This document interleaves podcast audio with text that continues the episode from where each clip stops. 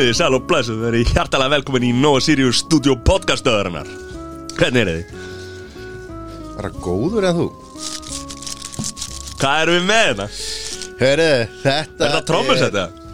Risa Trómusett, dagsett hvenar uh, Í dag, Í dag. Við erum samt að taka þetta upp í gær. Já. Pæli því, við erum að borða þetta. Þetta var að koma úr verksmiðin Þetta eru, eru stórar eitt sett plötur. Já Það Svo fulla að lakrís Þetta grínast það Svo ég setti hún Hrikalega góðar. Sjöfum það Og Við erum að sjálfsögja í Nóa Sirius stúdíó í podcastöðunar Ég var búinn að segja Þú segir það? Já, okay. það er alltaf það Það er Eitt sett plötur, komla í búðir. Dríðu okkur út og Vest, Vestlununar á þér. Vá. Það er svo good light. Mhm. Þú þrýst inn í nokkrum um helgina Herri við, jú, við fengum okkur nokkra. Lögadaginn, fórum við karaoke í menningarsetturinn í Hafnahöri Já Sem að var kláraði í síðasta gula byggir þættir Já. Við höfum alla. Við höfum eftir að fara til Jóa. Já, ég held að okkur sé ekki búið þar eftir þetta kvöldanna hjá alla sko. Nei, nei, við kíktum í menningarhúsi hérna fyrir uh, Með light, Læsilúkofi, með læt light premium líka. Já, Ég vil það góða bjóra maður. Ríkalega góða bjórar Herru, við höldum kostninga þáttunum okkar áfram. Yes sir. Uh, Ég vil er að læra. Já, við erum að kynnast frambjóðan Mm. Og uh, fengum til okkar Þórunni Sveinbjörndóttir sem er kanona Reynslubolti. í íslenskri pólitík. Virkilega gaman að Já, sjá hann búin að ferðast. Já, já, og bara Hún búin að vera lengi í þessu, hún kannið allt sem hann er búin tíu, sko. Gjörðu svo vel. Komið í sæl og blessuð Við höldum áfram með kostninga spjallið okkar sem við erum að fá uh, fulltrúa frá flokkunum sem að eru núna í frambóði og það er heldur betur reynslubolti í dag. Þórun Sveinbjörndóttir Velkomin. Takk fyrir það, takk fyrir að bjóða mér. Herru, þú ert í glæsilegum klæðinaði Takk að þið fyrir. Uh, Það er eitthvað að útskýra það eitthvað? XS var hérna Bólurinn Já, Já. Bólurinn það var ekki, einhver, var ekki búin að sjá einhverja líka einhverja aðra típu af Af þessum ból Já, er Jú, kannski í það eru gegnum til tvær tíðina. típur held ég. Já, Ríkala flott, ég tími alltaf að fara úr honum myndur verða svolítið pínlegt. Ég er svo mikið í honum en ég þarf að þú hann. Það má nú. Heyrðu, þetta er ekki Þetta er ekki fyrsta Þetta er ekki fyrsta uh, Fyrsta kostningar þínar. Nei, þetta er ekki fyrstu kostningarna mínar. Ég hérna hefur náttúrulega tekið þátt í fleiri kostningabaróttum en ég man eftir. Og svo var ég einu svona á þingi og fyrir samfélkinguna og uh, hætti fyrir einhverjum tíu árum og nú er ég komin aftur. Já. Uh, við ætlum að fara í það, þú varst náttúrulega líka að starfa í kringum uh, hverja listan á sínum tíma. Já, já. uh, En hvernig ef við förum svona ef við bökkum bara svolítið langt aftur Mm. og, og, og tölum þá tölum þá um, um hvað er þetta að byrja alls saman Ertu hérna úr, þú ert að, ert að leiða núna lista í, Í kraganum, í sögvestur, já. uh, sem að kannski fyrir þá sem ekki vita eru er, er þá hafna fyrir Garðabær, Kópavúr, Seldarnes og, og Mósesbæra Og svo kjós. og Kjós já. Uh, sko já, alltaf, Kræin í kringur Reykjavík Kræin í kringur Vá, Reykjavík. ég er að fatta þetta núna Já, það er nefnilega þannig. þetta er eina kjördæmi sem að fær svona eitthvað svona uh, nafn, eða ekki Jú, jú. Og þetta er, þetta er stærsta kjördæmið, þetta er fjölmennasta kjördæmið. Það, sko, þó að Reykjavík sé stór, hún er tvö kjördæmi, þá er þetta fjölmennasta kjördæmið. Gríðarlega mikilvægt og margir flottir bæir þar, við erum nú í Kópavogi núna. Ég bý í Garðabæ og hef búið þar í 20 ár, en ég fætt og uppalinn í Reykjavík. Östurbæingur og, og sleitar barskónum, segir maður það ekki. Jú. Já. Og þá í, öst, í, í hvað skóla, Ég, ég, nei, ég fór sem sagt, ég byrjaði í Ísaskóli, ég átti heim í Norðumýrinni og var þar fyrstu átta ár æfi minnar, fættist á fæðingarheimilinu, bjó í Norðumýrinni og svo fluttum við í Fossvogin sem var þá nú bara svona útkverfi í Reykjavík, það er að Fossvogurinn og Breiðholti voru að byggjast upp. Þannig ég fór í Fossvoskóla og réttó, endaði svo í MR og, uh, og fór svo líka í háskólan. og, og hérna hvað þú fær síðan í stjórnmálafræði en af hverju valdur MR Sko það var eiginlega svona eins og ímislegt sem gerist í lífinu, mér langaði mest í MH ég hafði verið, ég spilaði, var lengi að æfa mig sagt að læra á píanó réttra sagt. Og þetta var svona spurningin um það að halda áfram að vera í því og í skólanum. Og svo var tónlistin alltaf að teka meira meira pláss en ég hefði þurft að býða fram að áramótum með það að því ég var ekki réttu hverfi, þetta var þannig þá. Þannig að ég var svo óþólum og ég gæti ekki og mér langaði ekki MS, þá var rosa margir að fara í MS úr réttó. Þannig ég einhvern veginn endaði í MR sem var svona, jújú, jú, ég menna það þekkti fullt af fólki sem var á leiðin ángað og aðrir höfðu verið þar. Og það var fínt, það var mjög gaman. Hérna kynntist þar uh, frábæru fólki og hafið það mjög skemmtilegt í þau fjögur ár sem ég var þar. Laður píano á hillina? Já, ég gafst upp eftir eitt og hóllt ár. Þá einhvern veginn var þetta bara þú veist, ég var einhvern veginn, ég hefði þurft að æfa mig í þrjá tíma á dag. Og það var svona spurningin, nei, það var svona spurningin þú veist, ætla ég að læra, ætla ég að æfa mig, ætla ég að gera ég, og svo langar maður bara að vera til, þú veist, þegar maður er 16 17 ára, þú veist eða kærasta og fara í bíu og djamma og eitthvað svona, þannig að það einhvern veginn, ég skildi það eftir þar, en ég meina ég, tónlistanámir svo sem er svo allt annað nám í lífinu, maður nýtur þess alla æfi að hafa verið í því og ég er alætt á tónlist og finnst hún bara skiptir miklu máli í lífi mínu finnst alltaf gaman Hlustarðu að vera- tónlist? Já, ég hlusta á alls konar tónlist bara allt, allt sem að veist, allt frá bara einhverju hardcore rocki yfir í bara Mozart og Bach sko. Nýju abbalögin, búin að heyra það? Já, Litla vislan Jæja, Það er skipt það, það, eitthvað, það er svo geggja og mér finnst svo frábært hvað þau eru sko, þau eru náttúrulega svo sænsk og þau eru svo æðislega þau eru svo púgó á svo fallegan hátt, þú veist, þau eru bara þau sjálf. Nú eru þau borðin 70 og eitthvað og eru samt sko alveg, þú veist, í þessum búningum eitthvað að gera og svona, mér finnst það bara æðislegt Já, en, það er mjög umdeildar Já, svona skipta skoðanir um, um gæði Já, já, já, já, já, já, ég er bara stend með Abba, Já, þetta er bara já. svona sko. Ég var að sammála þessu. Ég er að fíla þetta. Þetta er spilað á bylgjunni maður. Já, já, og hérna varstu uh, þá væntalega náttúrulega í píano ert í klassískri tónlist. Já, já, og ert að, ert að hlusta á Viking og, Já, já, já, já, ég er bara, þú veist, ég elska Viking Heiðar, hann er náttúrulega stórkostlegur og er bara svo sem hann hefur, sko, það eru til margi góði hann, en hann hefur svona þetta ekstra, veist, hann, hann kemur tónlistin á framfæri, hann, hann er alltaf auðmjúkur, hann er alltaf að tala við fólk, hann er alltaf að fræða og gerir allt svo fallega, ég veit ekki hvort þið heyrðu tónleikana með honum á proms í London í sumar. Og þú veist það er alltaf ekki hver sem er sem treður þar upp og hann bara sló í gegn drengurinn, fólk bara fjall í stafi. Við erum ekki tissa, ég meina við, við sem hefum hirt hann spila í Eldborg en hann er svottans náttúru talent að það er engur lægi líkt sko, gerir allt vel bara túlkar allt fallega og bara góð fyrir sálina. Ég er ekki alveg dottin hann Nei, ég, ég bara hlustið eh, hérna, Philip Glass diskurinn hans. Af því að Philip Glass er svona nútíma þú veist, flott, rosalega flott tónlist og það er bara eins og að vera í leiðslu. Það er æðislega músik, prófið hana. Ég er að kíkja á það kíkja á þetta. En svona aðri eða hefur farið á tónleika erlendis eitthvað? Ég hef svo sem farið á svona eitt og annað gegnum tíðina. Ég hérna gaman að segja frá því þegar ég var að verða 11 þá fór ég á tónleika með Queen. Já. Já, þá fekk ég, einhvern veginn grenjaði það í gegn, við vorum, var hjá frængu minni sem bjóð þó í Skotlandi og maðurinn hennar, sýsti mín sem er fjórum árum eldri en ég, var líka þarna. Og hann fór með okkur á tvenna tónleika og við sáum Queen í litlu leikhúsi í Edinborg.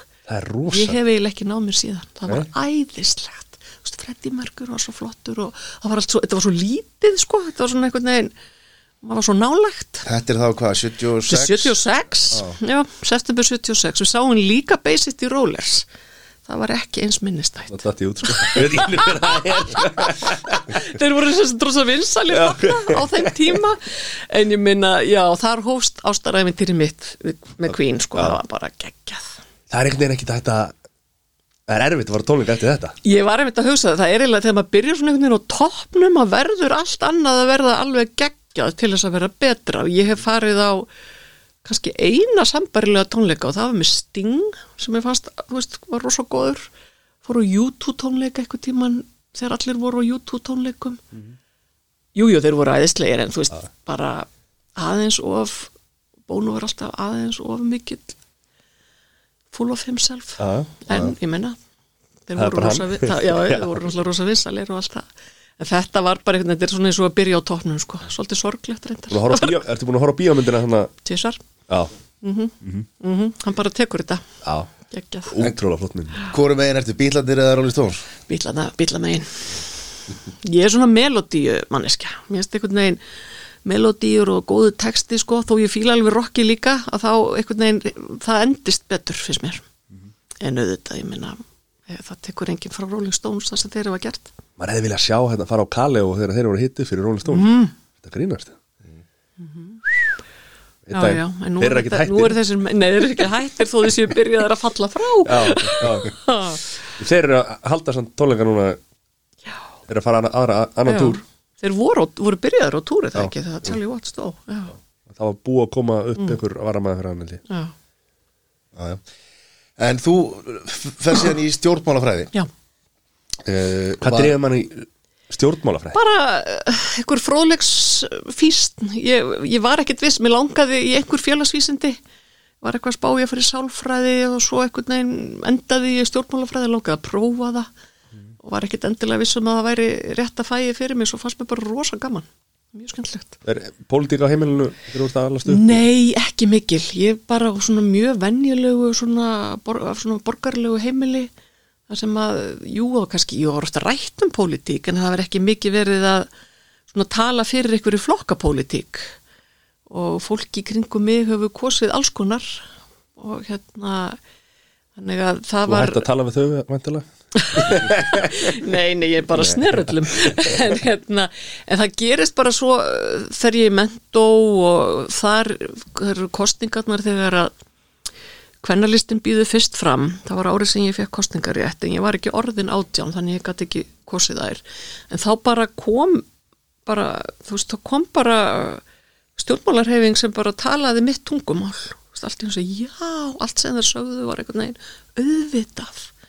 Þá einhvern veginn er maður sko eins og ég held að margir hafi og sérstaklega margar konur hafa reynd að þú veist, þú ert það er í þér sko bara kvennfrelsis sko ástin og maður er feministi á þess að kannski að vita það. Svo kemur ykkur og segir eitthvað sem já, þannig á ég heima.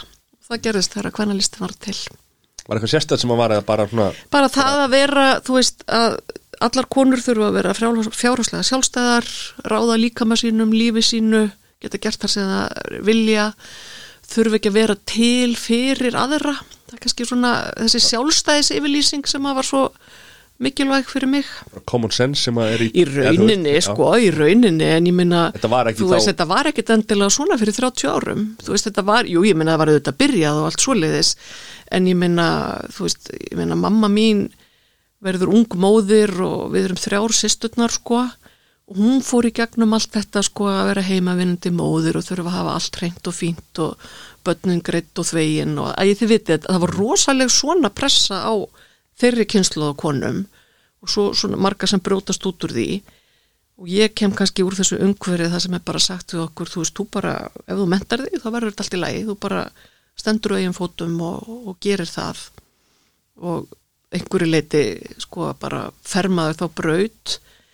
En kvennalistin kom inn með sko svo byltingarkentar hugmyndir að mörgu leiti um svona græsóta líðræði umhverjusmál en síðast er ekki síst bara um réttindi kvenna og batna að það hefði enginn talað um heimilisofbeldi eða kynferðisofbeldi fyrir en að kvennalista konur fóru að gera það ofnberlega það voru bara, maður var nýbúið að veist, það var opna kvenna að hvarf já, 82 líklega stígum út 86 og það var, þú veist allir vissu að það var alls konar til í samfélaginu en það var bara þakkað, þögnin bara réð. Og síðan þá eru við búin að vera að bróta þetta allt upp og sem betur fyrir er samfélagi finnst mér á miklu betri stað núna. Og svo eru við náttúrulega búin að vera með MeToo-bylgjörnar, núna bara þú veist, þetta er aldrei alveg búið. Nei. það er ímislegt í gangi. Maður er bara svo ánæður Þetta sé svona, eins og fyrir mér skilur Já, mér finnst bara styrla að þetta hafi verið alltaf þakka niður og veist því að vita allir að þetta hefur alltaf verið. Veist, það hefur alltaf verið ofbeldi og Já, já. hvort sem það er gagvart konum eða bara þetta hefur alltaf verið þakka niður og hafi ekki verið þurft að koma að einhvern pennalisti og reyna Já og sem betur, sko, svo er eru í rauninni, sko, þú veist, af því það er oft talað um, sumum, ég veit að sumum finnst feðraveldi svo erfitt orð, en þetta er bara svona skipulag, svona kynja kerfi, þar sem að, þú veist, kallarnir hafa haft völdin í gegnum ár aldirnar og svo, svo er það að breytast og það er að breytast frekar rætt, sko, en þetta er rosalega mikla samfélagsbreytingar. Og svo sér maður það bara á unga fólkinu núna eins og stelpunni minni og vinnum hennar, þau eru, þú veist, 18, 19, 20 ára að þau bara hugsa allt öðruvísi um þetta en við gerðum, eða ég gerði, skilur það er svona, finnst bara hluti sjálfsagðir sem voruð ekki og þá sér maður hvað hefur mikið áunist, hvað við höfum í rauninni komist langt, sko. heldur, að sé- heldur að sé mikilvægt að muna eftir því Já. hafi að að- Já, ég held að sé stúlkur núna- rosa mikilvægt að muna hvað við komum og ég held að sé ofsalega mikilvægt að hérna að gleyma ekki öllum sko konunum sem, þú veist, konunum sem börðust fyrir, konunum og körlunum sem börðust fyrir kostningarétti mm -hmm. jöfnum kostningarétti, bæði fyrir konur og fyrir fátæka kalla sem sáttu ekki eignir og síðan það að konur færu fengju sama rétt til náms og kallar alla síðustu öld. Að þær fengju að fara út á vinnumarkaðin sem var ekkert endilega sjálfsagt. Veist, það gerist, byrjar að gerast í stóru stíl fyrir 50 pluss árum. Ekkert af þessu var sjálfsagt. Í rauninni, þó það sé sjálfsagt núna. Og það er svo hérna það er einhvern veginn, við megum ekki gleyma því, ég, hérna, ég var nú aðeins að ég skrifaði smá greinum daginn í fréttablaði að rifja upp bara hvernig jafnbryttismálin eru farin sko algjörlega af jöðrunum og eru bara mainstream. Og ég byrja bara á sko rauðsokkunum og þá myndi ein gömul góð kvennalistakona mig á og sagði þetta byrjaði nú ekki þá, skilur það því að það er alveg rétt, þetta byrjaði miklu fyrr. En, en það eru þessar bylgjur koma og MeToo er nýjasta bylgjan og alltaf komust við meira áfram sko, í átt til jafnbrettis og réttlætis. En við erum líka að horfa á hluti gerast í útlöndum sem eru hræðilegir skilur það sem er að taka réttindi af konum. Veist, bæði þessi til dæmis, ég veit ekki hvort að við heyrta þessari nýju lögjöf í Texas sem að hérna leifir ekki þungunarof eftir sex vikur. Flestar konur eru kannski ekkit endilega meðvitaður um þessu jóléttar sko þeir eru búin að ganga með í sex vikur. Og það er alls konar ógeð í þeirri löggjöf til dæmis að það sé hægt að fara í sko persónlega mál í rauninni svona, ef ég má sletta svona bounty hunting element í þeirri löggjöf. Og svo horfum maður bara á Afganistan og ég meina það þarf þetta er nærtækustu dæmin. En allstaðar sko þú veist það er ekkert að er ennþá, við erum ennþá stödd þar að, að það getur orðið bakslag. Það geta meiri svo orðið alveg risastór bakslög og við þurfum að passa það saman að það gerist ekki. En minni líkur að gerist hérna sko, Já, já, og- mikil ósköp sem betur fer en en, en alls konar- þú veist, en það er samt sko við erum við, við pínu, við verðum stundum svolítið svona værukæra því að okkur, þú veist, við, það búið skrifa svo marga fréttur um jafnbreyttis paradísina Ísland sko og auðvitað eru við komin mjög langt, ég vil ekki gera lítið úr því en við megum samt ekki láta eins og það sé bara þá sé allt búið sko, bara búið tikki það box má ekki slaka á Nei, mánu blikki slaka á. Það er bara þannig. Það er alltaf einhverjir sem að nýta sér það, sko. Þannig að stjórnmálafræðin Já, stjórnmálafræðin. John Hopkins háskólin Já, Fórst þangað já, ég fór þangað. Ég var í Bologna á Já, Ítalíu. Ítalju. Það var nú einhvert uh, æðislegasta ár lífsmíns. Það sem að við vorum 150 saman í eitt ár allstaðar að. Flest frá Evrópu og Bandaríkjunum en, en víða að. Pasta, pizza Ó, ég minn eini, það var svo gaman og Ítalið er náttúrulega stórkostleg eins og alltaf svo mikið vesen á þeim en samt svo stórkostleg sko þannig að það var svona ár þar sem að þú veist, eignast náttúrulega bara vini fyrir lífstíð og opnaði augun fyrir umheiminum og hérna og lærði áfram, ég, ég hef alltaf verið mjög áhuga um alþjóðastjórnmálin og svona samhengi hlutina, stóra samhengi hlutana.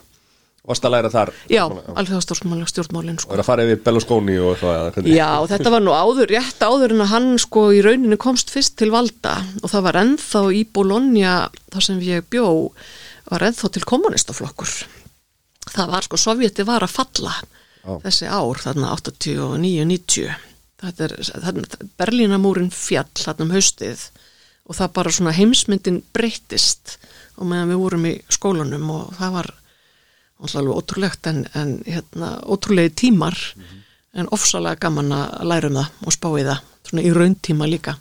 Já, gaman að vera í skóla þegar kemur eitthvað svona. Það er æðislegt. En varst að taka þátt í einhverju pólitík í það Háskóla Íslands? Já, ég var nú alltaf, ég, ég byrjaði í því sem þá hétt félag vinstrimanna og hérna og svo stopnuðum við Röskvu Röskvu stopnuðum við 88 og ég tók að mér að vera fyrsti formaður þar og uh, er svona af þessari stóru Röskvu kynnslóð sem fór í gegnum háskólan og og hefur, um, á þar hafa margi skila sér í pólitík, mjög margir á svona miðju vinstri kanti stjórnmálana þannig að ég var svolítið að, að, að vesenast í því, ég var líka í háskólakornum að syngja, það var mjög skemmtilegt.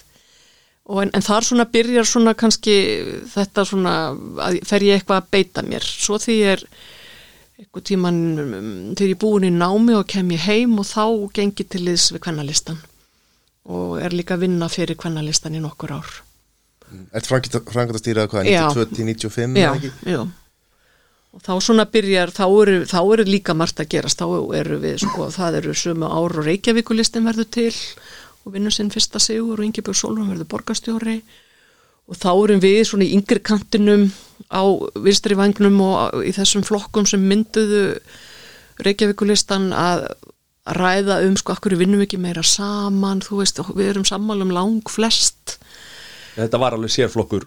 Já, Reykjavíkulistin er svona kostningabandalag sko, þú veist það var kvennalistin, alþýðubandalag, alþýðuflokkur og framsónaflokkur með því, mjög svona breið fylking og hérna og þá líka byrjar fyrir alvöru samtalið um það sko að, að vinna meira saman á vinstri vagnum og úr því verður til samfylkingin, það tók nú einhver ára við, við, gerðist nú ekkert að sjálfu sér. En, en Reykjavíkur listin sínd okkur að við gætum náð árangri saman. Og, og þá einhvern veginn var eðlilegt næsta framhald að, að segja, heyrðu, búin til kostningabandalag líka í landsmálapolitikinni og það gerðum við 99 þegar að samfélkingin býður fram fyrst. Og svo verður það stjórnmálaflokkur og Var það þá alþjóðbandalagið og, og hérna uh, svona kvennalistin og Já, Framsókn kvennalistin, eftir út. já, það er í rauninni framsóknar ekki með því, þau eru, vilja bara vera sér í landsmálunum, en það er alþýðuflokkur, alþýðubandala kvennalisti. Og, uh, og síðan auðvitað þegar að samfélkingin verður til að það sem gerist líka þá að þá gengur fullt af fólki til liðsviðana sem var ekki í gömlu flokkunum, skilur við, hafið eitthvað en ekki samsama sig með, þú veist, krötum, komum eða kellingum eins og sundum var nú sagt, sko, og, og það var, þú veist, gerði veginn að skapa svona nýja dýnamiki samfélkingunni og við auðvitað ætluðum að vera alveg ein heild, svo gerist það þarna fyrir kostningarnar 2000 og, nei, 99 ætla ég að segja að á síðustu stundu þá stígur stengri mjög út úr þessu og stopna vinstri græn. Þannig að þetta verður samfélking og vafki Hann var sér í samfélkingunum Í hann var í alþýðubandalaginu Já, já, já, og var sagt með í þessu ferli mjög lengi á samt fleirum. Þannig að okkur tókst þetta ekki alveg 100% en við höfum auðvitað og í gegnum tíðina, sko, ég minna við vorum í ríkistjórn með Vafki í fjögur ár eftir raun og við höfum til að eigum mjög margt samvegilegt með þeim í politíkinni og, og viljum vinna með þeim og erum svolítið svona, höfum svona síðustu fjögur árin verið svona, ah, af hverju er þið fundistu aðeins of verið aðeins of náinn eh, sko íhaldsöflunum í sjálfstæðisflokknum sérstaklega og einhverju leiti framsókn í þessari ríkistjórn þó að hérna þó að Katrín Jakobsdóttir sé góður fórsættisráður og hafi ekki síst fyrir hennar svona bara pólitísku liburð sem að þetta hefur allt haldið saman. En ég meina samfylking og vafki eiga mjög mikið sammeilegt pólitík og eru svona náttúrulegir samherjar sko. Hvernig var að að þú kemur inn á þing 99, búin að vera vara þingmaður nú eitthvað? Já, einu sinni, ég hafði farið inn sem var að þingmaður fyrir kvennalistan einhverjar tvær vikur tvær þrjár vikur. En ég fyrir inn, sko, ég náttúrulega er yngst já, ég, við, ég var 33 líklega þegar ég fyrir nú þing og er náttúrulega mjög ung, sérstaklega var það þá voru ekki margir ungir á þingi, þú veist það var ég, Þorgerður Katrín, Lúðvík Bergvinsson, við vorum yngst þarna. Og það var, ég meina það var bara mikil, þú veist það hefur mjög margt breyst síðan. Og þingið er miklu, en það var, það var margt rosalega gamaldags ennþá á þingi, þarna um síðustu aldamót eða fyrir 20 árum. Já, hvernig var að koma þarna ung og, og, og þarna ert að kljást við, við já, Daví Oddsson og Haldur Áskrinsson í, í, í, í sel, hérna, selskýrskápunni Svona, hver, hvernig fannst þér andrúslu og hvernig fannst þér að að- Hvernig var að láta þá heyra? Já, það var auðvitað sko, þetta var náttúrulega mjög merkilegt að mörgu leiti, þarna var sko, þarna var, var eh, stjórn sko sjálfstæðis og fransóknarflokks búin að vera í fjögur ár og átt eftir átta ári viðbót. Og það var svolítið magna að fylgjast með því, sérstaklega á síðasta kjörtímabilinu þeirra saman, uh, Davís Oddssonar og Haldur Sáskrinssonar, hvernig þetta allt bara svona glutraðist úr höndunum á þeim skiluru, og það var svona það var svolítið, þú veist þetta var ég meina þeir það, það sem að hafði gerst var að allþýði flokkurinn gamli hafði náttúrulega sett EES á borðið og komið því í gegn EES samningnum með sjálfstæðisflokknum. Og síðan kom þessi 12 ára ríkistjórn sjálfstæðis og fransunarflokks þar sem að menn sko nutuðu þetta EES samningsins og gátu svona haldið hvað var að segja staðið vörðum völdin orðaða þannig og, og, og, og sína svona sína hagsmunni hvort sem það var í landbúnaði eða sjáurútvegi og þannig að það var þegar, þegar maður horfið tilbaka og sér maður betur hvað þetta var mikil kyrstaða í rauninni. Og en, ver, en þarna líka sérstaklega síðustu árin í, í þessar ríkistjórn ertu í rauninni eru svona löð drög að hruni. Ég menna bæði með peningapólitíkinni eða peningamálastefnunni og með því hvernig sko bankarnir eru engavættir, eignarhaldið á þeim og hvernig það er allt gert og hvernig þeim er leift að, að vaksa í sko tífaldar landsframleiðslu.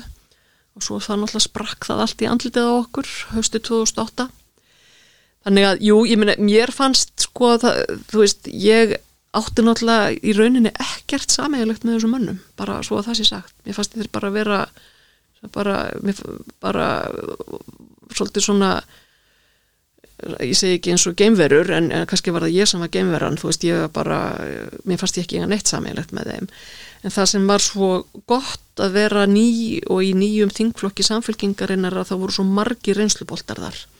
Og ég hafði svo margt fólk sem fyrirmyndir og til að læra af.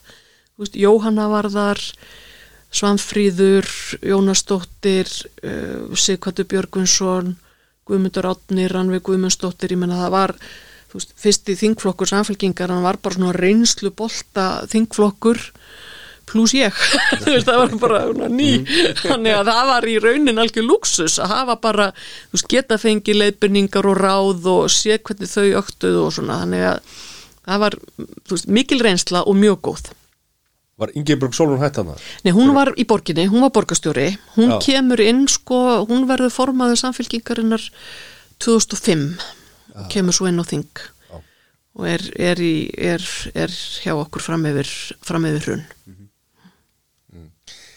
Þetta hefur verið já, vantarlega erfiðu tími. Þú ert á þinginu þarna í hruninu Já. og, og það sem að já, já, sem að setur Íslands samfélag á hliðina. Já, uh, tekur við uh, ertu umhverfisráðara 2000 og hvað 79. 79 hvernig fannst þér þú koma meiri í gegn sér á þeirra heldur en sem Já, það var, það er sko það eru algjör forréttindi að fá að vera ráðherra, að gegna framkvæmda valdinu og ég held að sé svo mikilvægt að að vera meðvituð um það maður fær, maður fær þetta þú færð framkvæmda vald, þú fær valdað láni og þú getur nýtt þetta góðs. Og það skiptur svo miklu máli að gera það þegar maður fær svona tækifæri og við vorum, þegar ég kem inn 2007, þá vorum við að leggja drög að, þú veist, loslasmálin voru ekki orðið nærri en stór og þau eru núna, en við byrjuðum þar og vorum að undirbúa okkur fyrir, fyrir fund, saminuðu þjóðafundin sem var, í, var þá á Bali, var svolítið magnaður fundur um, um loslagsamning saminuðu þjóðana. Þá voru í rauninni flestar upplýsingar komnar fram um hvað gæti gerst en mjög margir ennþá ekki tilbúinu til þess að horfast í augum við það. Og ég setti sem sagt kom því í gegn að við, gæt, settum bara skýra stefnu um það og kæmum á þennan fund. Og ég kemur þanga fyrir hönd Íslands og segði við ætlum að taka þátt að fullu afli og vera með í þessu. Við höfðum svolítið verið við höfðum svolítið verið í svona undan þáu gýrnum fyrir það. Þannig að það var ákveðin stefnubreiting íslenskra stjórnvalda um, og svo vorum við náttúrulega, við vorum að vinna með það og við vorum líka að vinna með það og það fór síðan í gegn síðla árs 2009 að geta orði hluti af uh, hérna uh, hérna vest, hvað heitir það, viðskiptakerfi ESB með losunarheimildir sem að álverin eru í rauninni í núna og það verðlegu losunarheimildirnar og þá gerur það það að verkum að þú setur í rauninni álgeiran þar undir og þau þurfa, það verður svona búbla með ESB Er það hluti af Parísar? Já, það, nei, það var, það varð til fyrir það. Parísarsáttmálinn sem frá 2015 er síðan eh, samningurinn rauninni þar sem að hvert land lofar að gera allt sem það getur til þess að losa úr gróðurúsa lofttegund eða losa úr uh, sagt, minga losunina réttar að sagt til þess að við förum ekki yfir 1,5 gráðu hlínun og við eigum mannsir langt eftir til þess að ná því og það er ekki síst þess vegna sem að loslasmálin eru aðalmálin núna í þessari kostningabaróttu og sem betur fer eru allir stjórnmálaflokkar að tala um þau og sem betur fer eru mjög margar góðar tilugur á borðinu. Og við í samfélkingunni segjum við þurfum að ná 60% samdrætti á næstu bara nýju árum. Það er rosa stór aðgerð en það þýðir í rauninni að þú verð þarft að bara setja niður áætlun sem er fjármögnu, tímasett, tölusett og allt þetta. Og við byrjum á okkur sjálfum, við byrjum á losun frá samgöngum og skipaflota. Og svo eru þetta landnótkun skiptir mjög miklu máli en við verðum að ná mjög hraðri sko mingun á innan við tíu árum til þess að ná sko, þetta er þess að oft verið líkt við svona flugmóðuskip tekur rosalega langan tíma að snúa því og þá byrjum við að snúa og með því að gera mikið á næstu tíu árum og þá náum við jafnvægi á næstu 20 árunum þar og eftir. Höldum við þetta áfram að gera það sem við hefum að gera. Þetta hljómar allt rosa flókið en þetta er hægt. Við erum ríkt samfélag við erum með alls konar tækni sem við getum nýtt okkur. Getum nota bæði vörugjöld og skatta og ívilnanir til þess að hjálpa fólki að velja græna kosti. Og síðan er það að okkar áliti í samfélkingunni mjög mikilvægt að ríki og sveitarfélög fjárfesti meira í grænum lausnum, hvort sem að það er borgarlína eða aðri hluti sem að þarf að gera. Og við viljum líka setja og stopp sérstakann fjárfestingasjóð sem að þá enga aðilar geta sótt í. Þannig að við séum að ebla nýsköpun eins mikið og hægt er að því að við þurfum margar lausnir, það er engin ein þú veist það er ekkert kvikk-kvikks í þessu þurfum margar lausnir, þurfum að gera margt í einu. Það er hægt. En við þurfum líka þá að mynda ríkistjórn sem er algjörlega saminnið í því að þetta er það sem við þurfum að gera. Það er held ég, eða held ekki það er stærsta verkefnið eftir þessa kostingar ná saman um loslasmálin og verandi sósaldemokrati úr samfélkingunni þá eru þetta líka velferðamálin mjög mikilvæg. En við, við getum ekki svikið sko komandi kynnslóðir um betra líf sjáum við til. Við verðum að lofa það við megum það ekki þú veist. Þannig að uh, þetta eru þá, er þetta þá svona þrjú helstu, kannski er þetta að segja helstu, helstu málefni samfélkingarna, það eru þá loftasmálin, verðframálin og hvað? Sko við, það kemst náttúrulega enginn í, í gegnum þessi missir en núna nefn að tala um heilbriðiskerfi líka. En grundvöllurinn er alltaf velferð venjulegs fólks, venjulegs vinnandi fólks og fjölskyldna. og við viljum byrja á því að hérna, endur þessa barnabótakerfið. Og þá gerum við það þannig að við, eins og þið kannski vitið, þá eru skerðingarnar við, sko, þær byrja við 351.000 konar tekjur. Og við viljum færa skerðingamörkin upp í meðaltekjur upp í 600.000 þannig að allt venjulegt fólk sem á börn geti fengið barnabætur. Það er eðlileg sko, það er bara svona eðlileg meðgjöf samfélagsins með þeim sem er alveg bönn og þurfa að standa straum af veist, nýjum úlpum og stífilum og tómstundum og íþróttum og öllu þessu. Og okkur finnst það verandi jafnaði menn þá viljum við að það sé þannig, við viljum jafna kjörin þannig. Eh, Við viljum líka bæta kjör öryrkja. Og þau hafa setið eftir bara, það er eiginlega svakalegt að sjá hvað hefur gliðnað á milli lámaslauna og örorku bóta og sérstaklega fyrir fólk sem er á örorku allæfi, fæðist fallað og eða lendir ungt í því að, að missa starfskettuna að þá í rauninni ertu bara dæmd til fátæktar, fátæktar ef þú ert, getur ekkert unnið. Þannig að við viljum bæði tvöfaldar frítekjumarkið en líka byrja að taka konkrétt skref til þess að, að hækka örorkulífeyri bara í samræmi við kjærasamninga þannig að við byrjum að minga þetta bil og það eru þetta eins og uppjöi og, og fleiri hafa bent á, ég meina öryrkjar er rosalega fjölbreyttur hópur Gilru, það er allt frá því að vera, ég meina þú veist það eru þetta fólk sem á, er að glíma við þroskaskerðingar, líkamlega föllun, þú veist, ADHD, einhverfu, þetta, þetta eru mjög fjölbreyttur hópur og það þarf líka að vera, gera miklu betur í því að miða aðstóða einstaklingnum. Þú veist að þú getur bæði aflaðir þekkingar og fengið einhverja mentun sem er við hæfi. Nú til dæmis eru krakkar sem að klára starfsbrautirnar í framhaldsskólunum uh, sem eru starfsbrautir fyrir til dæmis einhverfa krakka eða, eða hérna krakka með dánsheilkenni þú veist, þegar þau eru 18-19 ára þú veist, þau eru sjálfráða. Þú veist, hvað tekur við, skilur þau þurfa að þau þurfa bæði að geta starfað einhver staðar þau get- þurfa líka að hafa tækifæri til þess að menta sig í einhverju sem þau langar að gera. Og þetta er, hef ég heyrt bara af mjög mörgum dæmum af foreldrum batna á þessum aldri eitthvað sem við verðum að gera miklu betur í. Og það er bara þannig að velferðin velferðin er grundvöldunum fyrir gott atvinnulíf þá getur fólk mætt í vinnuna og hefur ekki áhyggjur af, af börnunum sínum eða öldruðum foreldru sínum og svo framvegis Þannig að þar erum við, eins og við segjum nú stundum, við erum eini jafnaða mannaflokkurinn á Íslandi og þetta er grundvöllurinn.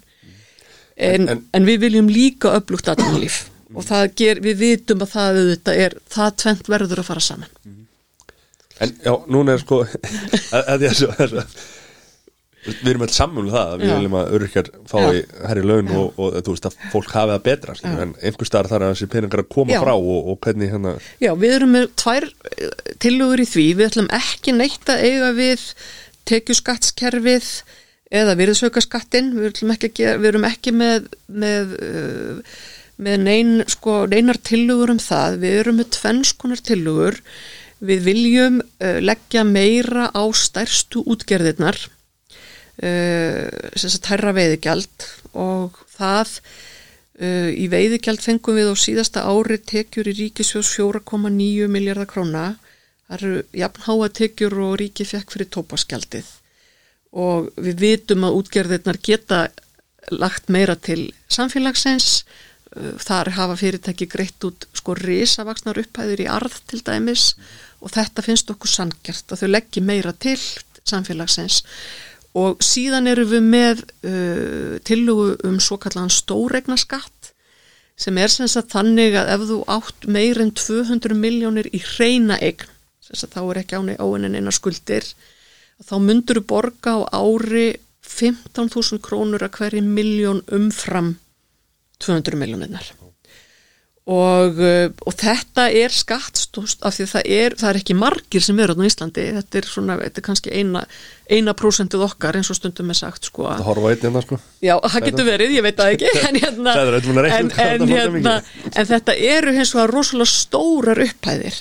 Og þarna náum við til dæmis í fjármagni til að fjármagna barnabætunar, þannig við rauninni erum bara eins og jafnaðamenn gera að færa frá þeim sem að eiga meiri nóg yfir til þeirra sem þurfa á því að halda svo við höldum samfélaginu finna þessir sem eiga nóg ekki bara einhverja aðra leiði til þess að Jú, jú, það má vel vera að- þeir geti gert það. Auðvitað viljum við að fólk sko bara borgi skattana sína glatt á Íslandi og það þurfi ekki að vera eitthvað sérstök frétt um það að auðmaður ákveða að koma til Íslands og borga skattana sína eins og gerðist á síðast ári skiljið það er náttúrulega alveg crazy að það sé bara eitthvað svona, vá, hvað hann er góður.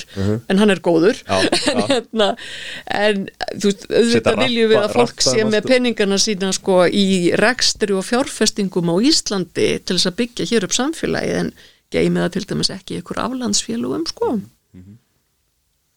Ég er alveg samanlega Sæðu, hvað, búin að reikna út hvað Já, ég þarf ekki greiða við þessi venjulegu erum bara, þú veist, að borga skuldir okkar. Uh, Eru eitthvað svona he- helstu helstu atriði sem að ykkur samfélkingunum finnst nú er þetta ríkistjórn ekki hafa verið að sinna? Já, hún, hún er, ég hef orðað það þannig að þessi ríkistjórn uh, hafi verið mynduð í kringum lægsta pólitíska samnefnaran. Þú veist með Vafki og Sjálfstæðisflokkin saman í ríkistjórn, framsókn þarna á milli og framsókn náttúrulega er uh, sko þeirra tegundar að, að hún getur unnið oftast nær bæði til hægri og vinstri að svona spurning hvert er snúa sér næst. En Er það bóndin í þeim? Já, svolítið, þú veist, þeir eru bara svona, já, þeir, þeir hafa allavega gert það í gegnum ára kindur Já, og svona, en hérna, en, en það þýðir það í rauninni að, að þessi, sko, ég meina, auðvitað hafa þau gert ímislegt gott, ég, það er aldrei þannig að allt sé ómögulegt, aldrei, en þau hafa, al, þau hafa ekki hreift við neinum svona stórum umbótamálum, þú veist, það er engin að tala um að taka upp eða skoða þú veist, styrkveitingar í landbúnaði eða endur skoða hvernig við tökum veiðugjöld til dæmis eða annað slíkt sko, það er ekki verið að þú veist, það er ekki verið að, að sko, það er ekki verið að eiga við neitt sem er kannski óþægilegt eða gæti eh, sko, valdið einhverjum deilum. En gott og vel, ég meina þau eru búin að starfa saman í fjögur ár og í eitt og hálft ár hefur stjórnin eins og við öll þurft að vera klíma við COVID-faraldurinn. Og það er ekkert sko þú veist, ég ætla ekki að gera lítið úr því að hvað það hefur verið erfitt verkefni og ég er auðvitað þakklátt fyrir það að það hafi verið ákveð að hlusta á okkar færistu vísindamenn og við höfum verið svo heppin með fólk í fórustu, þú veist, sótvarnanlækni og landlækni og aðra sem að hafa tekið að sér að skýra út fyrir okkur hvað við þurfum að gera og hvers vegna. Að, og það er auðvitað líka vegna þess að, að sko það teki, var tekinn pólitísk ákvörunum að gera það þannig. Og ég held að það hafi verið rétt og ég er þakklátt fyrir það og ég er líka bara svo þakklátt fyrir það að, að fólk skulle mæti bólusetningu. Skilur að, að við séum ekki að eiga við svona anti-vaxers og svoleiðis eins og fólk er að eiga við mjög víða í útlöndum. Og, Það og það þýðir líka við erum bara, þú veist, það er búið að upplýsa fólk vel og það skiptir máli.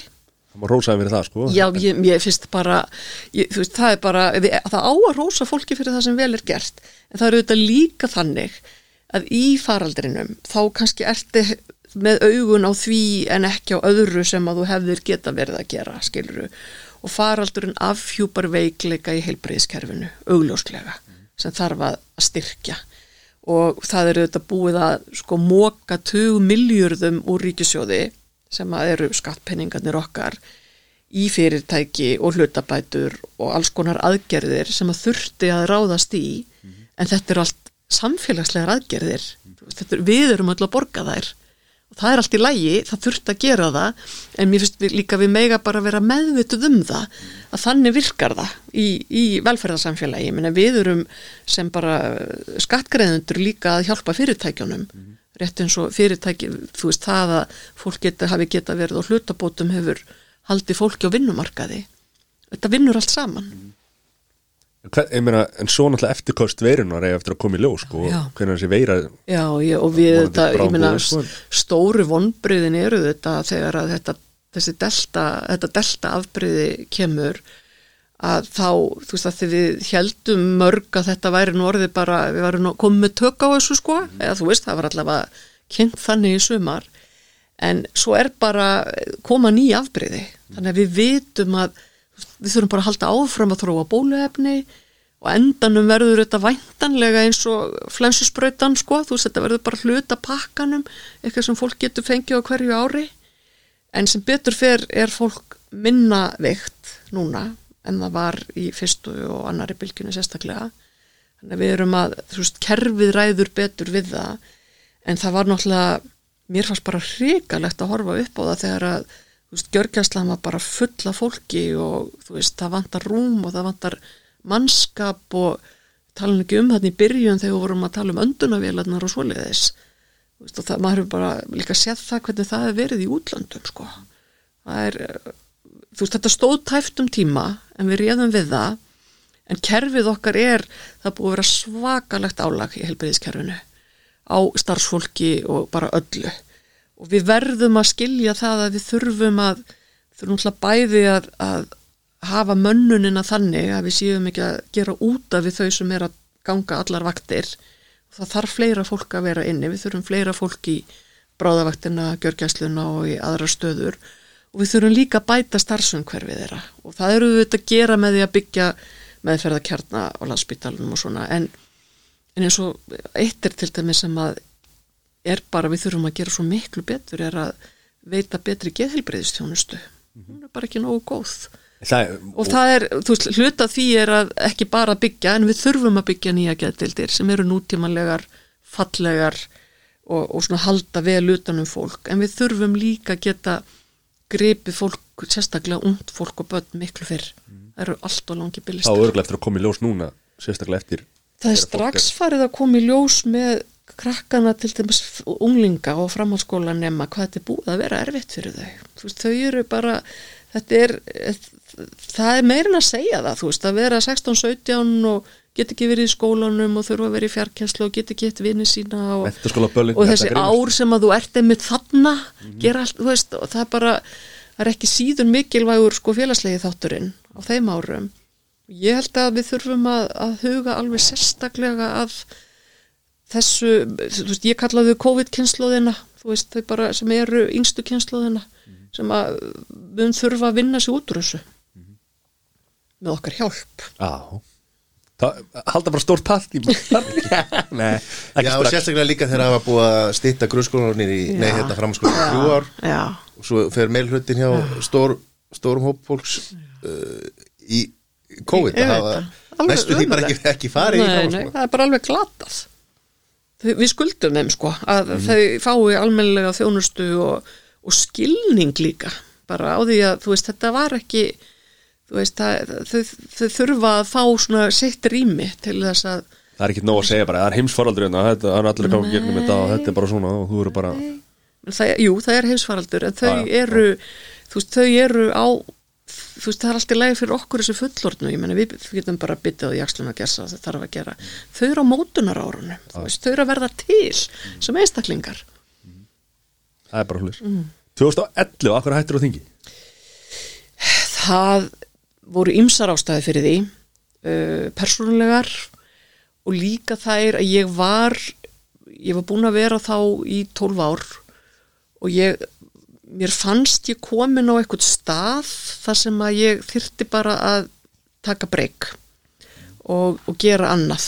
Ég ætlaði aldrei að vera sko, gera þetta ævistarfi að vera í stjórnmálum en ég hef alltaf verið eitthvað að gera. Þó ég haf ekki alltaf verið í frambóði þá hef ég bara verið aktíf í alls konar stjórnmálum og, og félagstarfi þannig að ég tók bara þessu óvinnlegu ákvörðun og var, þú veist, hún var tekin fyrir mig hún var tekin fyrir stelpuna mína og líka bara til að, að svona, ég ákvað bara einhvern veginn að gera það sem ég langaði mest til að gera og að stíga til hliðar uh, fara í skóla uh, gera eitthvað annað.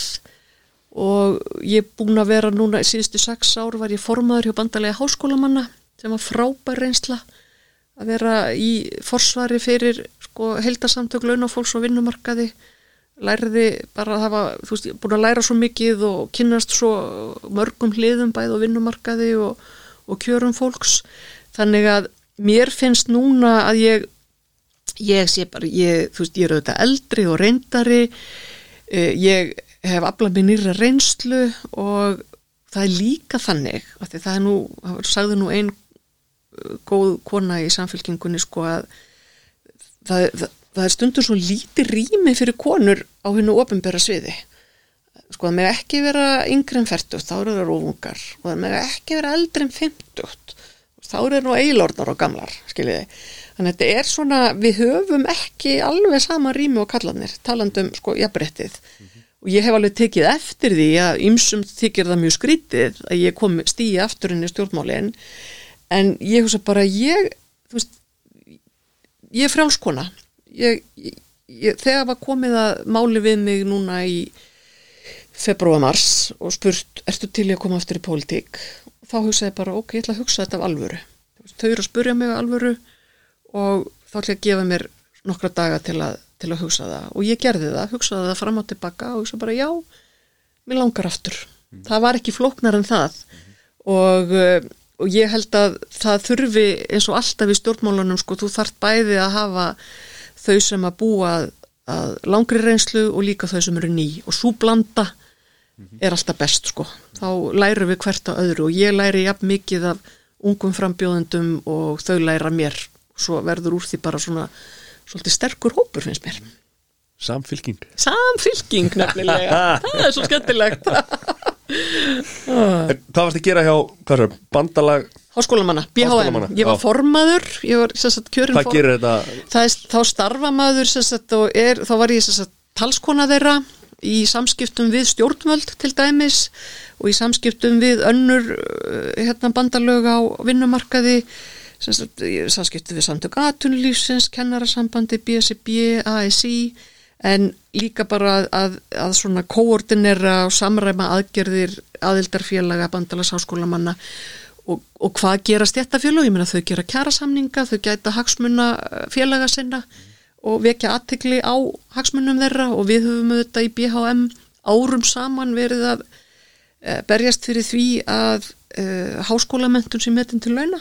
Og að, að fólk fá eitthvað fyrir það að hafa afla sér sérfræði þekkingar og svo bara áttu stendur enn og mun gera áfram. Þetta er stjættafélag Já, þetta þetta eru Ég er alltaf stjættafélög ekkert í háskólan sko. Svo heyrist kannski.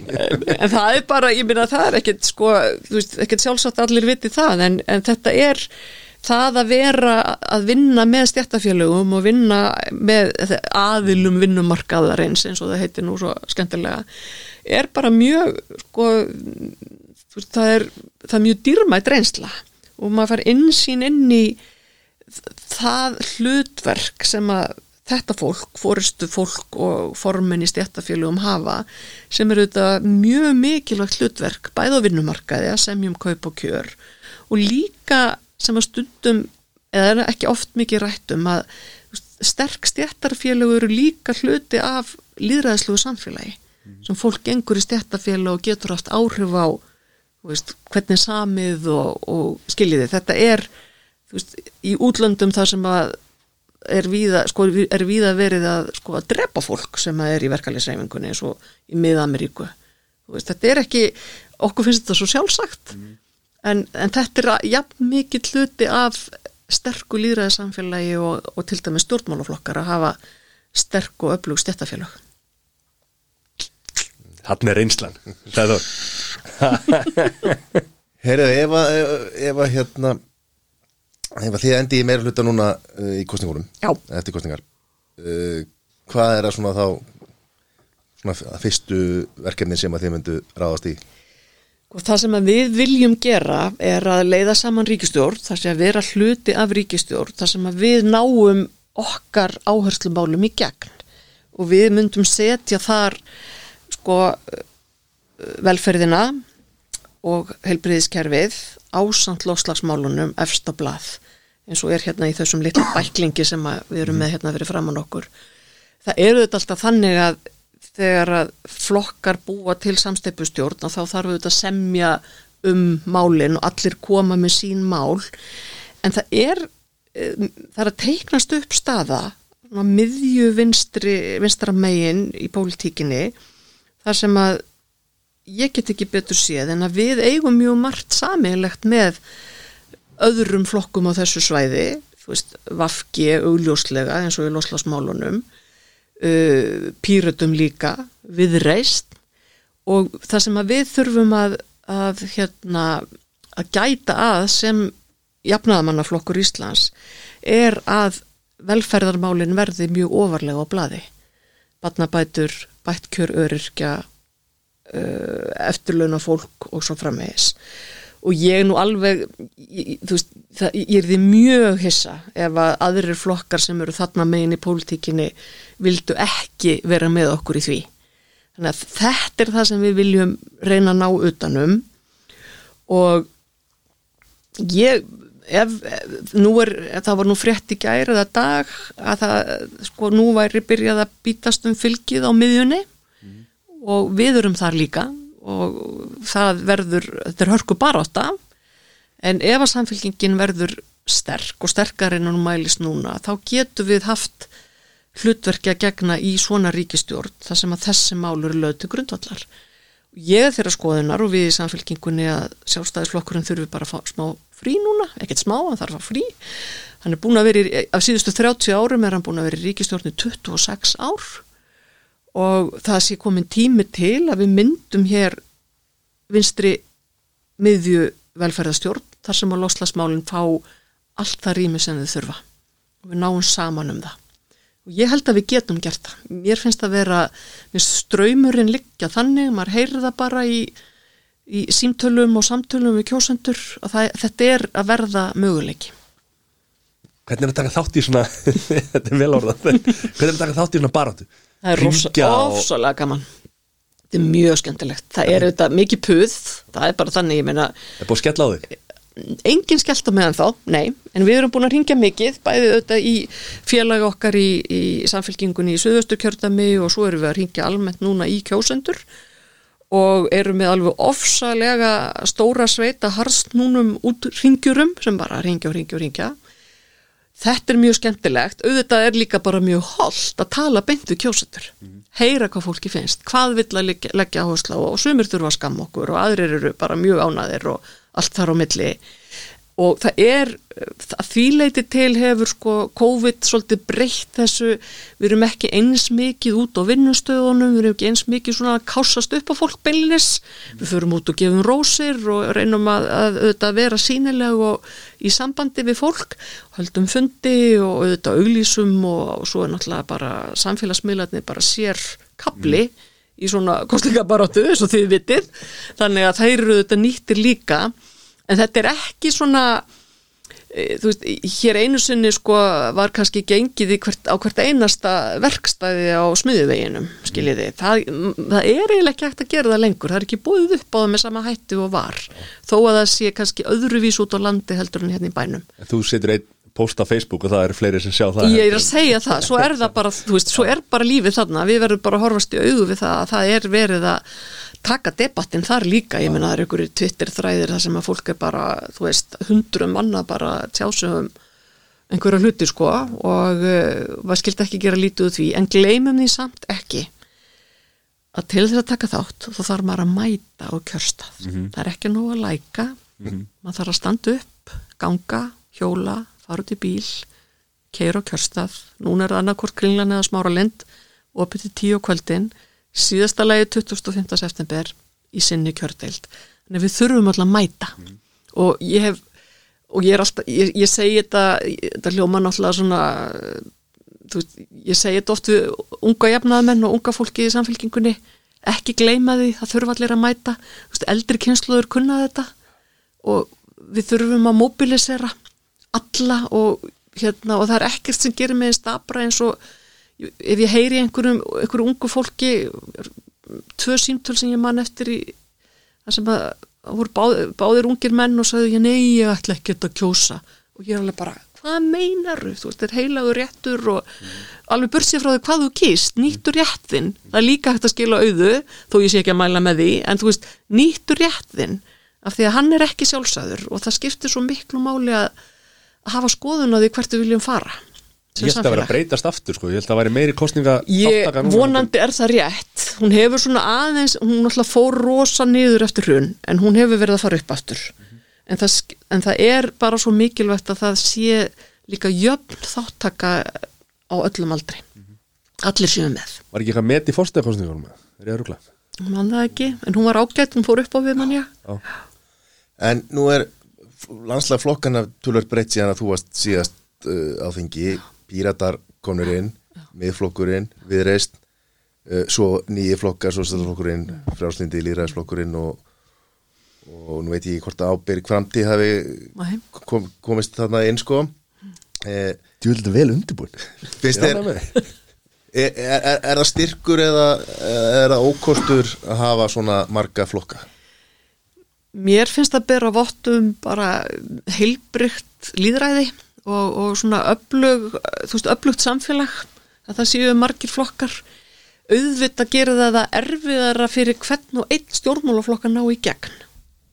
Og það, það er ekkert alltaf, veist, það, það, það er erfiðar að ná í gegn ef að það eru tíu flokkar en ef það eru fimm.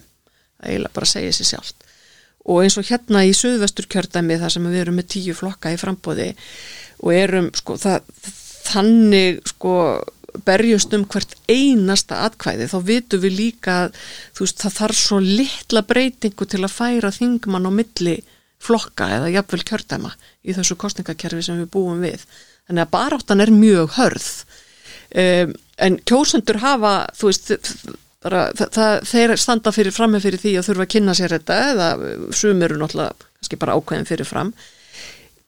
Ég held að þetta sé ekki verra þetta er samt svona þetta er alltaf öðruvísi en það var hérna allar 2000-stöldinu var þetta allt öðruvísi en, en það sem kann að gerast er að, að svona og er stundum að sér það svolítið kannski í slagorðunum og svona fólk verður svolítið keimlíkt það verður erfiðara kannski að sjá munin þá er mjög mikilvægt að muna að það er bara einn jafnaðamannaflokkur í Íslandi sem heitir Samfylking. Er, er sko já, þetta er uh, þetta er pínu svona setur kjósanda í svolítið erfitt svona að, að, að þetta er svo að því þetta eru margi flokkar og margir að reyna að ná aðtiklinni og, og, og, og hérna náttúrulega að samfærið um að, Já, já. að kjósa sinn flokk. Uh, og atkvæðin dreifist náttúrulega, en þú úr kraganum nú hefur verið talað um það eitt atkvæði eitt kjósandi uh, varðandi dreifingu Já, já, dreifingu atkvæða. Uh, og kannski krægin stærsta já. Við erum náttúrulega með bara mjög skakka stöðu kakvart öðrum kjördæmum, sérstaklega norðvestur kjördæmi, þú þarft eiginlega helmikið fleiri kjósundu bak við hvert þingmann hér. Og auðvitað er þetta glatað, algjörlega glatað, þetta sé svona. Og ég held við ættum að fara að hugsa það bara mjög alvarlega að, að endurskoða þetta kostningakerfi og, og það, veist, það er eiginlega tvent sem að maður heyrir mest eða svona, þú veist, samfylkingin er bara, hefur alltaf verið þar einn maður eitt atkvæði, skiluru. Það, er bara, það eru mannréttindi og þannig þarf það að vera. Við erum ekki ennþá komin þangað, við erum með hér sex kjördæmi, þessi rosalugu flæmi, þessi þrjú landsbyðakjördæmi og svo þrjú borgarkjördæmi í rauninni, hérna, og krafan er sko bæði að út á landi finnst, mjög eðlilega finnst kjósundum og mörgum sko kjördæmin allt og stór. Og svo er líka krafan um að fá að kjósa frekar persónur eins og viða er leift og ég held að við ættum að leif okkur að hugsa nýja lausnir í þessu. Veist, það, er, það er alveg hægt að búa til einhverja snjalla blöndu þar sem að þú gerir þetta og án þess að ég sé með einhverja lausn upp í erminni, þú veist, þú getur verið með þú getur verið með minni kjördæmi og landslista og þú veist, það eru alls konar fyrirmyndir til í Evrópu, í öðrum löndum. Ég held við ættum að, að því að mér finnst þetta þetta system okkar núna er ekki eða mér finnst það ekki verið að gera sig. Finnst við þurfa að sko, endur skoða þetta og svo þurfum við náttúrulega að jafna atkvæða vægið það verður að vera forsenda. Já, mjög góð mjög góð punktur. Uh, ef, að, þið verið ekki í meira hluta uh, eru þá samt eitthvað svona mál sem að þið Já, við munum hald, já, halda já, já, já, við, auðvitað, við berjumst áfram fyrir því sem við höfum verið að kynna fyrir kjósundum, fyrir þessum málum, kostninga áhullunum okkar. Og við gerum það hvort sem við verðum í stjórnar anstöðu eða ríkistjórn. Bara það, þetta er það sem við stöndum fyrir og þetta er stefnan okkar og við höldum áfram að, að gera það. En auðvitað finnst okkur, við höfum ekki verið í ríkistjórn í átta ár og okkur finnst komin tími á samfélkinguna í ríkistjórn og að við náum okkar velferðar áherslum í gegn og hérna, byggjum upp heilbriðiskerfið, tökum loslasmálinn föstum tökum og, og eins og ég sagði áðan þá er ég handviss um það að við eigum samleið með mörgum öðrum stjórnmálaflokkum um nákvæmlega þessar áherslur.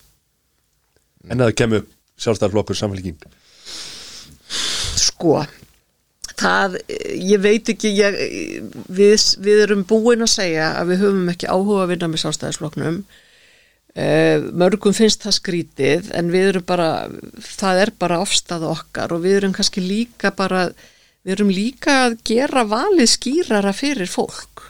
Þú veist, ef þú kýst samfélkinguna, þá færðu ekki sjálfstæðisflokkin, skilur þau. Ef þú kýst okkur, þá færðu samstarf á vinstri vangnum, vinstri miðju.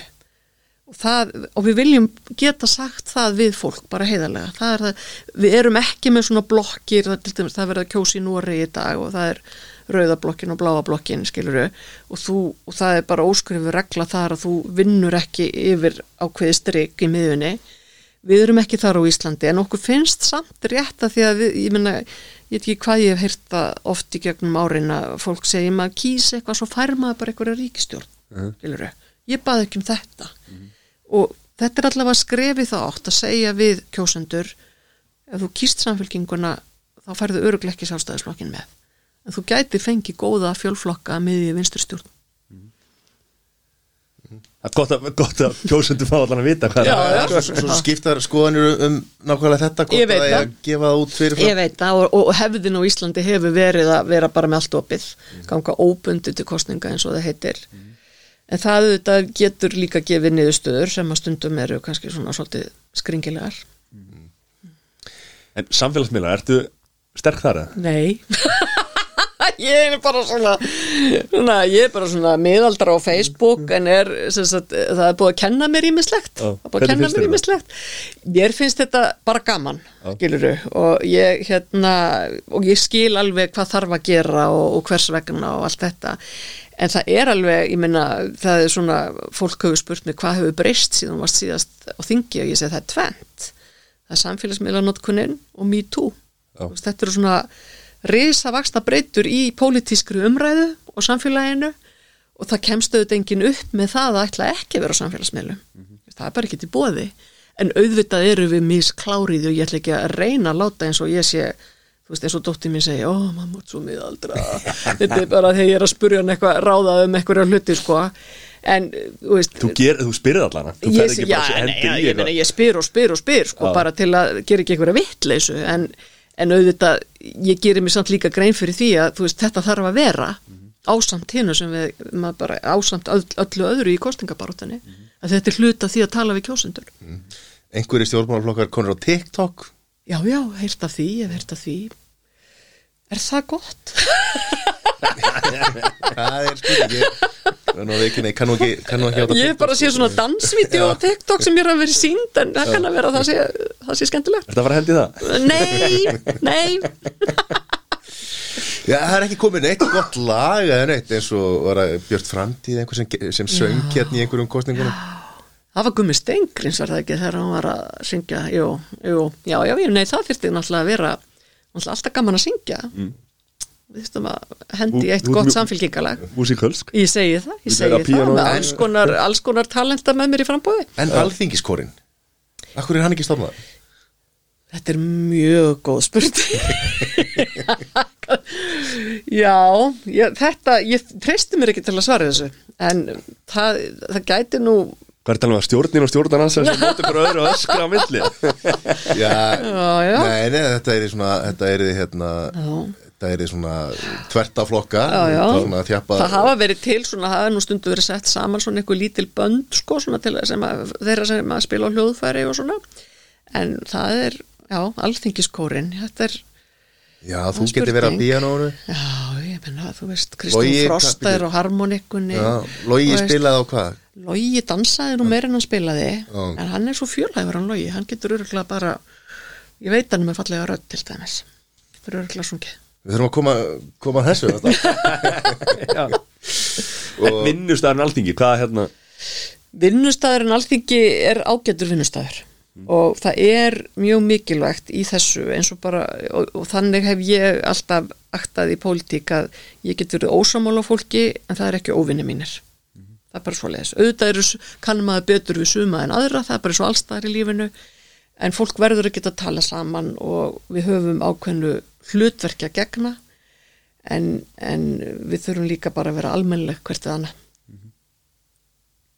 Er það ekki bara í lífinu almennt? Jú, mér finnst það bara að vera nákvæmlega það sama. Ég meina við erum bara veist, bara eins og vinnustæð öllum öðrum vinnustöðum, þú veist, fólk þarf að vinna saman og það verður ekki að tekist á um hlutina og þess að það sé eitthvað persónulegt eða annað slíkt. Hvað saknar það mest að vera að ráðara? Er það bílinn? Nei. Ég reyndar sko ég, hérna í þessu tæpu tvö ár sem ég var í umhverfisráðunetinu þá var ég nú svo heppin að vera með stórkostlega góðan bílstjóra sem er vinnu minn og ég eh, saknaði hans nú miklu meira heldur en bílsins. Varst að lélum bíla? Ha, nei, nei, fínum bíl, fínum bíl. En auðvitað er það bara veist, það er hlutverk, skilur, það er bara svona hluta djobbinu, en það er ofsalega gaman að fá að vera að vinna í sínum hjartansmálum og umhverfismálin eru mín hjartansmál ásalt í afbrytismálunum og það að fá tækifæri til að vinna í þeim með þessum hætti er náttúrulega bara algjör forréttindi bara þannig Jóstu öðru svar en, ok Uh, Európa-sambandið, komst þú alltaf hjá þeim að Verðum að, já, Minnast á já, það. já, verðum að minnast á það. Við auðvitað, samfélkingin var í ríkistjórn, sem, ríkistjórnum sem sóttu um aðild og hóf aðilda viðræðunar. Svo stakk framsóknar sjálfstæðisflokkurinn því nú hann í skúfu, þarna 2013, með einhverju brefi sem Gunnar Bræði sendi. Og við höfum svo sem aldrei fengið alveg skýr svör um það hvar, hvar þessar aðilda viðræður eru stattar, en það allavega hefur ekkert gerst mjög lengi. En við höfum hins vegar metið það svo í samfélkingunni að eigi að fara aftur af stað að þá sé bara heiðarlegt að spurja þjóðina að því. Viljum við halda þessu áfram? Þetta hefur verið umdeilt og það er mjög mikilvægt að hafa skýrt pólitist umboð til þess að halda áfram að halda viðræðum.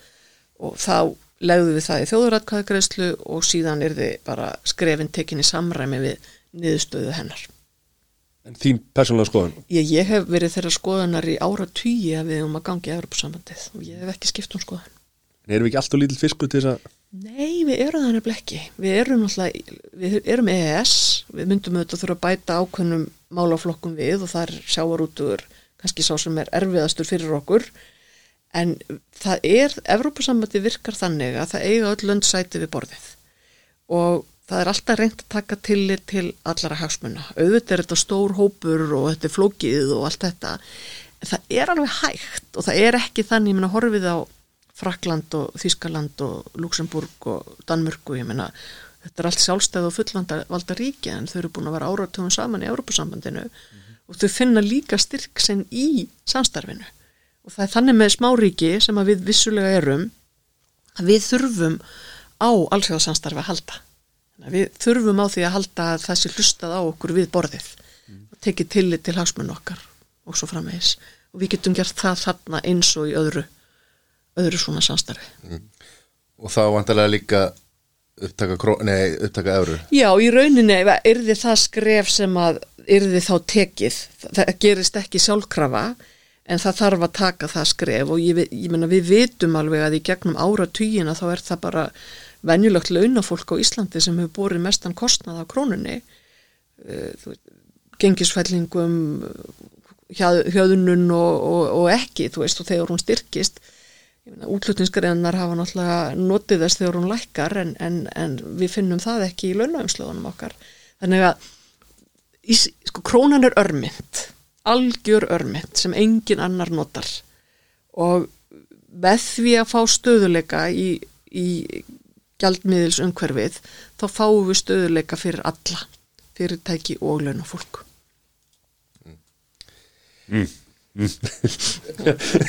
er ekki, þau ítalarnir eru þeir ekki ennþá bara með, hvað, líru? Nei, nei, nei, nei, er ég búin að tala erum um með evru, evru, já, já, já, já. já. Þetta er búin að ferðast um allan heim og veit ekki hvað er að gera þetta á Ítalíu Ég hef aldrei komið til Ítalíu. Líran, líran er, já, já, nei, nei, þeir voru það- Fóru 81 í Það burtu, sko. fóru í kringum, hvenær var það 2000 og, það var hann á bilinu 2000-2002 sem að flestir voru að skipta yfir í rétt spámærarnir Já. Og, og hérna. Það er bara, ég meina en auðvitað er þetta þú veist, það er eins og ég meina, Evrópusambandi er líka ekkit sko, þú veist það það er, ekki, það er ekki fasti, ég meina það þróast eins og allt annað samstarf sko, maður þarf auðvitað að hafa líka augun á því. En það eru allir þar að fylgja eftir sínum hagsmunum. Og við vitum hvað það er sem við myndum vilja gera þar og við þurfum einhvern veginn að og, og, og litluríkin í Evropasambandinu eru kannski ekki að beita sér í öllum málaflokkunum þau beita sér hart þar sem að þau hafa mikill að hagsmun að geta uh, Svona þín framtíðasín fyrir Ísland Hvað verður við eftir 10 ár, 15 ár? Ég vona að við verðum eftir 15 ár farin að sjá árangur af mjög uh, vel hugsuðum og yfirgripsmiklum láslasaðgerðum ná tökum á, á losuninni. Og hún hafi minkað um 60, meira en 60% eftir 15 ár. Við séum að sjá fram á svona jafnvægi í loslasmálunum Ég vona líka að við getum í gegnum bæði grænan fjárfestingasjóð og aðra og ofinbera fjárfestingu í innviðum, samgöngum, velferðarkerfi að hefum byggt undir stert atvinnulíf með mörgum nýjum störfum, störfum sem er ekki til í dag, nýjum verðmætum störfum bæði í sem að fólk notar hugvit og tækni. Og að við séum þá komin kannski svona, auðvitað vunum við alltaf nýta auðlindirnar okkar, náttúrulegu auðlindirnar okkar með sjálfbærum hætti, gerum það, en við þurfum líka að, að við þurfum að fjölga útlunnisgreinunum, við þurfum að nýta sko mannauðin sem við eigum eins og við erum að gera núna í, fyrirtækjum eins og kontrollandu kannski nýjasta dæmið og erum náum svona sko sérhæfingu ákveðnum sviðum þar sem að við getum selt til útlanda framleiðslun okkar, þú veist það geta verið tölvuleikir, það geta verið, verið livjaframleiðsla, það geta verið hvað sem er. En við þurfum fleiri útlýningsgreinar, við þurfum bara fleiri, miklu fleiri ný störf og, og með því að fjárfesta í grænulausnunum þá er ég sannfærðum að við getum farið þessa leið. Og COVID-kynnslóðin okkar verður að vinna í þessu. Þetta er bara í blóðin á þeim sko. þau ætla ekki að þau ætla ekki að vera í neyslugrækinni eins og við höfum stundum verið og eldri kynnslóðir heldur að vera, sko, taka lífstílinn og, og hugvitið alla leið. Já. Vil að orða Hérna, ferðalug Eftir þetta COVID er farið. Hvað, hérna?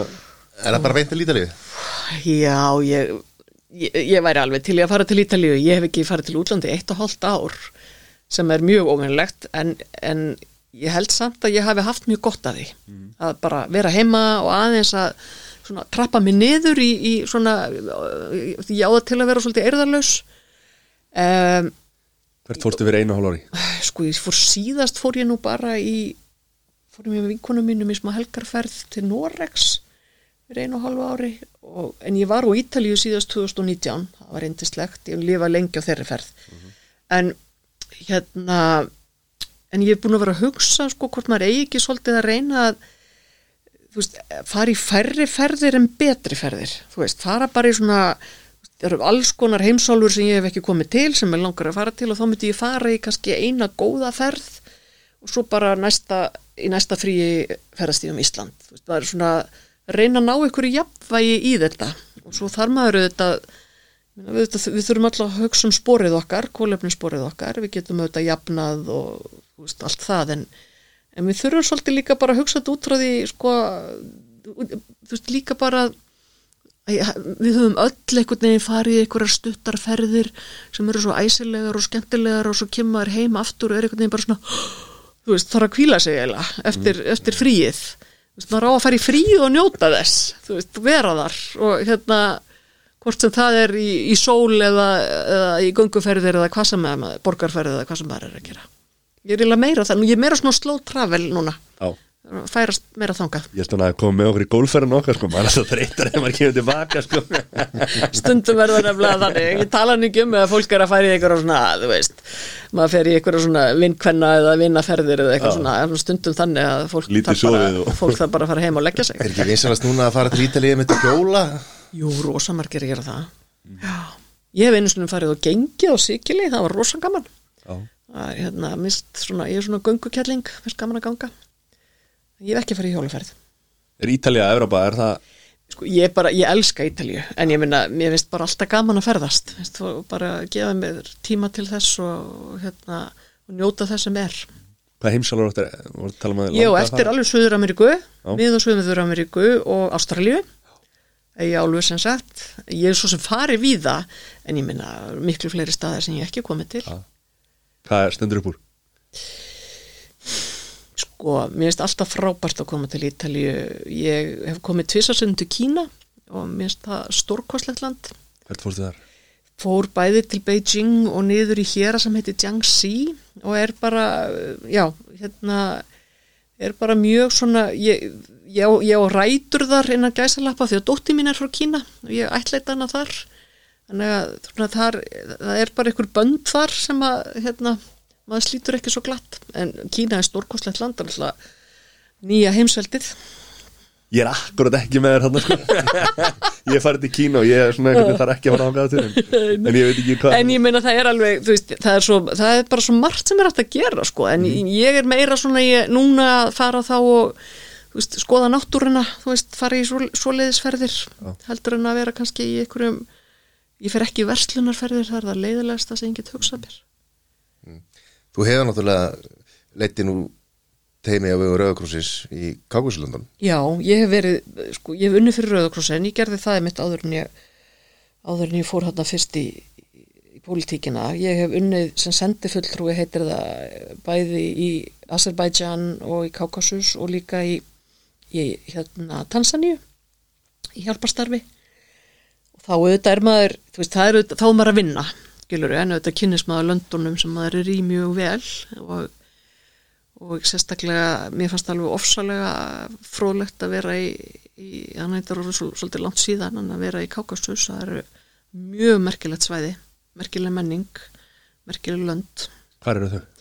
þau eru sagt, það er Armenia, Georgia, Azerbaijan sem eru við Kas, milli Kaspíahafsins og Tyrklands. Og Íran er sunnan við. Þeir eru svona tilhörðu einu svona gömlu Sovjetríkjunum mjög merkileg menning og saga þetta mjög. Ó, þetta er, þannig var alltaf að læra eitthvað. Þess vegna hlustum að þess vegna Bara- það var ég ég held sem sé að fara að bjóða upp á ferði til Georgi og það sé eitthvað fólk bara að fara þangað í, í menningarferðir sko. Hérðan Já, er sko, það er náttúrulega búið að breytast ferðaverður í Íslandinga sko, þetta er ekki bara spát nei, nei, lengur þú veist, Tene maður, tene Já, þó að tennis í ákvörðat núna sko, Já, en, já. en ég menna við vorum farin að fara svolítið til Tyrklands já, og, já. Budapest og Já, ég meina fólk fer út um alla trissur, þú veist, það er alveg ótrúlegt hvað Íslandinga ferðast og það er kannski ekkit skrítið, ég meina við náttúrulega erum hér á þessari litlu eigu langt frá öllum og, og er svona, ég meina ég er bara, ég er fætt með eitthvað útþrá sem ég hef aldrei getað skýrt, mér er bara alltaf langað að kynnast nýjum löndum og búa annar staðar og, og ég held að það sé kannski bara það að vera, þú veist, að búa á eigu, það er einhvern veginn, þú veist, þú getur silt í burtu eða flói eða, og stundum finnst manni það auðvitað, ég reyndar ekki, því ég var yngri þá fannst mér oft sko, mér fannst þetta litla samfélag hérna heima svo þrúandi, það svo lítið, en það hefur bara breyst svo mikið, þú veist, það er orðið svo miklu, svo miklu fjölbreyttara og þú veist, alls konar menning og fullt af fólki sem hefur komið og vil búa með okkur og, og bara gerir þetta, gerir bara Ísland miklu betri stað til að búa. Er það ekki ágætis Ísland best í heimi Já, Betri stað til að búa. Betri stað til að búa heyrðu, Þóra Sveimdadóttir Takk fyrir komuna Takk fyrir mig. og, og gangi ykkur vel í, í kostningunum Takk.